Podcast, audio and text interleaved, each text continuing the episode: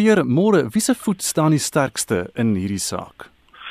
Ehm um, wel ek dit lyk vir my asof die uh, Ramaphosa se se regspan meer op die reg konsentreer en eh uh, die ander span met Mkobane se span miskien meer op die emosies konsentreer. Ehm um, die probleem hier is dat daar uh, die die verslag self al selfs sou daar is heel waarskynlik miskien 'n rookie wat hy trek, maar die verslag self is so swak geskryf dat dit baie moeilik gewees van die hof vir die hof gaan wees om te besluit dat dit nie op ten minste in dele irrasioneel is. Môre Jan Jan, uh, ek wil by jou weet is die saak 'n politieke spel of 'n aanslag vanuit die kamp van Ramaphosa se teenstanders? Ah, sorry vir my afgepeer. Jan Jan. O ja, ehm um, kyk dit is natuurlik deel van die politiek aan um, president Ramaphosa as 'n politikus. Maar die beweringe um, wat gemaak word op die oomblik die is partykeer soos Peer sê redelik irrasioneel in die sin dat die verslag is onsamehangend en dis nie altyd duidelik waarom sekere van die stellings gemaak word nie. Um dit word nie gesubstansieer nie. So um die punt wat president Ramaphosa maak is tog seker die korrekte punt en dit is dat die um daar is 'n mandaat wat die um, openbare beskermer het en dit gaan oor aanwending van belastingbetalers geld. In hierdie verband is daar nie 'n bewering dat belastingbetalers geld gebruik is nie. So sy tree volgens president Ramaphosa se regspan en ek dink hulle het 'n punt weet buite haar mandaat op. Waarkeer ook reg is is dat daar 'n rookie trek. Dit lyk nie asof alles heeltemal um korrek gedoen is um in daai CR17 veld tog nie. Die bedrag geld is net is net enorm en waarvoor is dit gebruik? Maar dit is nie vir die openbare beskermer om te ondersoek nie.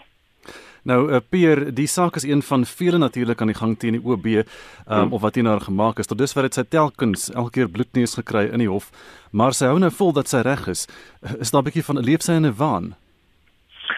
Um, ek weet nie wat die rede is hoekom sy hierdie uh foute maak nie, maar dit is daar blyklik dat baie van die regsargumente wat uh, na vore kom in, in haar verskeie um konflikte is nie goed gefundeer nie. So of sy slegte regsadvies het of sy net self nie weet wat die reg is nie, nog daar 'n bymotief is, weet ek nie.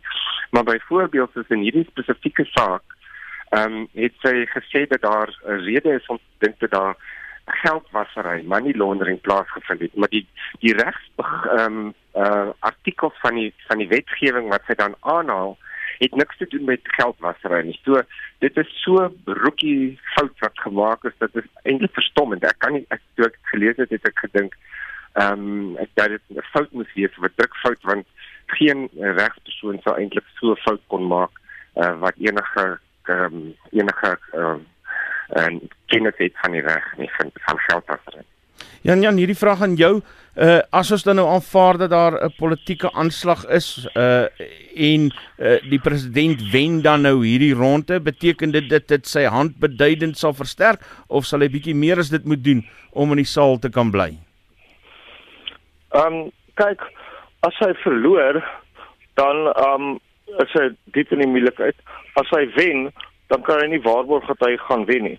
Um die politiek is nie soos die reg nie. Jy weet ons luister hier vir Pierre en hy sê helder soos altyd, jy weet daar is spesifieke feite, daar is spesifieke reëls. Jy moet um 'n uh, kausale verband kan bewys tussen as jy verwys na geldwasery en die terme waarbinne jy dit doen. In die politiek werk dit anderster.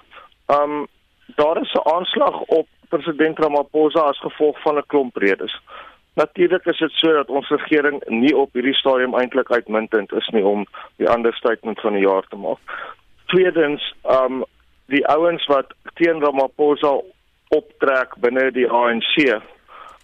Die vraag is of hierdie kritiek wat hulle op meneer Ramaphosa het en wat sekerlik geldig is, die vraag is hoekom doen hulle dit?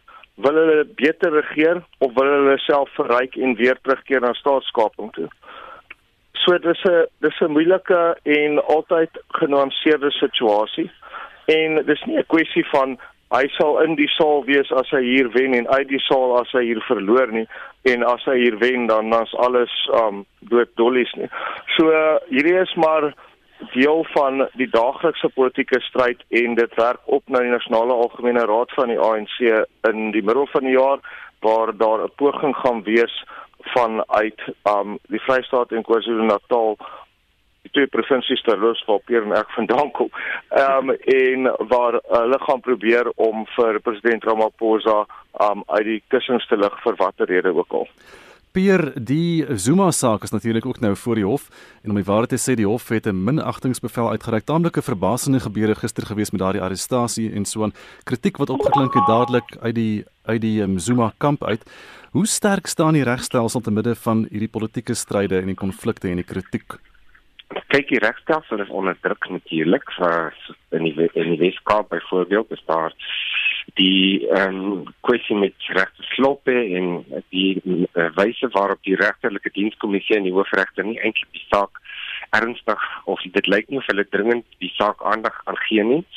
Ehm um, so daar is probleme maar uh, oor die algemeen in, in die meeste hoër of en miskien nie in die landroshof nie maar die hoër of is die meeste regters ehm um, onafhanklik en ehm um, daar is onder regterlike onafhanklikheid in die grondwet gewaarborg so dit is baie moeilik vir iemand om uit hulle pos uh, ontslaan te word omdat hulle nou 'n uh, onpopulêre besluit geneem het.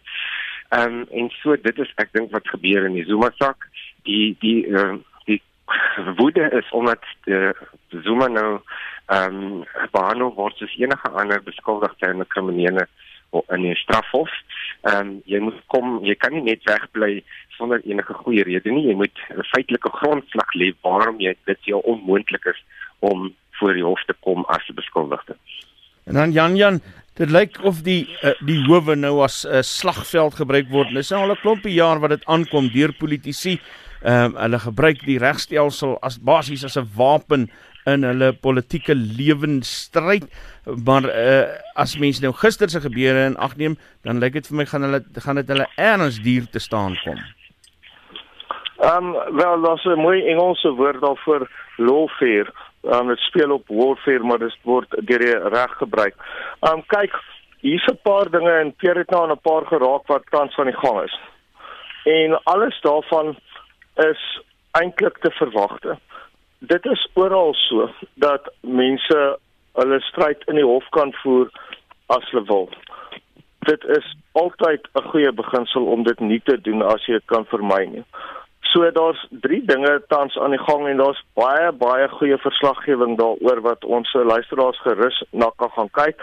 En die eerste artikel wat ek wil aanhaal is deur ene professor Pierre de Vos gister in die Daily Maverick waar hy op kliniese wyse uiteensit hoekom Mqobani absoluut nonsens praat as hy sê dat die parlement se proses om haar uit haar pos te verwyder is ongrondwettig. Die tweede het ook gister verskyn um deur uitregter Johan Kriegler in dieselfde publikasie. Um en dit gaan oor hoe dat die hoofregter regter Mogoeng Mogoeng en die regterlike dienskommissie nie hulle werk doen nie. Um en dit verwys na die huismoeles wat ons het in die Wes-Kaapse Hooggeregshof tussen regter Sloppy, die adjunk uh, regter uh, president uh, regter Goliath en regter Sloppy se vrou wat sommer ook 'n regter in dieselfde afdeling is regter Sally Sloppy. En dan nou 'n vierde regter wie se naam nie genoem word nie wat blykbaar deur Sloppy fisies aangeraak is. Um maar die feit dat Mogoeng en die regterlike dienskommissie waarvan hy ook die voorsitter is, niks doen nie, um die is 'n probleem. En dan derde um artikel waarna ek wil verwys is deur Steven Grootes wat hy uiteensit um oor wie is die mense wat agter Mqobani staan en wie is die mense wat haar ondersteun, wie is die mense wat haar teen staan. Um dit is altyd so dat daar sal uit die aard van die saak tussen enige um groepering waar daar 'n mate van onsekerheid is oor hulle etiese gedrag en die regbank 'n uh, kreatiewe spanning wees. In ons land is daar 'n ongeneigtheid by alle politieke partye op die oomblik om hulle probleme self op te los. Jy kan dit sien in die DA, jy kan dit verseker sien in die ANC en jy kan dit sien in die EFF. Um met die WBS goeters, die Wenda bouvereniging goed en so voort. So daar is op hierdie stadium 'n oorspoeling van die politiek in die regbank in omdat die politici nie die ruggraat het om hulle eie probleme uit te sorteer nie. Dis presies waarvoor die hof daar is. Die hof is daar om jou probleme uit te sorteer as jy nie kan nie. So dis wat ons op die oomblik sien. Baie dankie. Daardie stem behoort aan die parlementêre joernalis Jan Jan Joubert. Ons het ook met die regskenner professor Peer de Vos gepraat.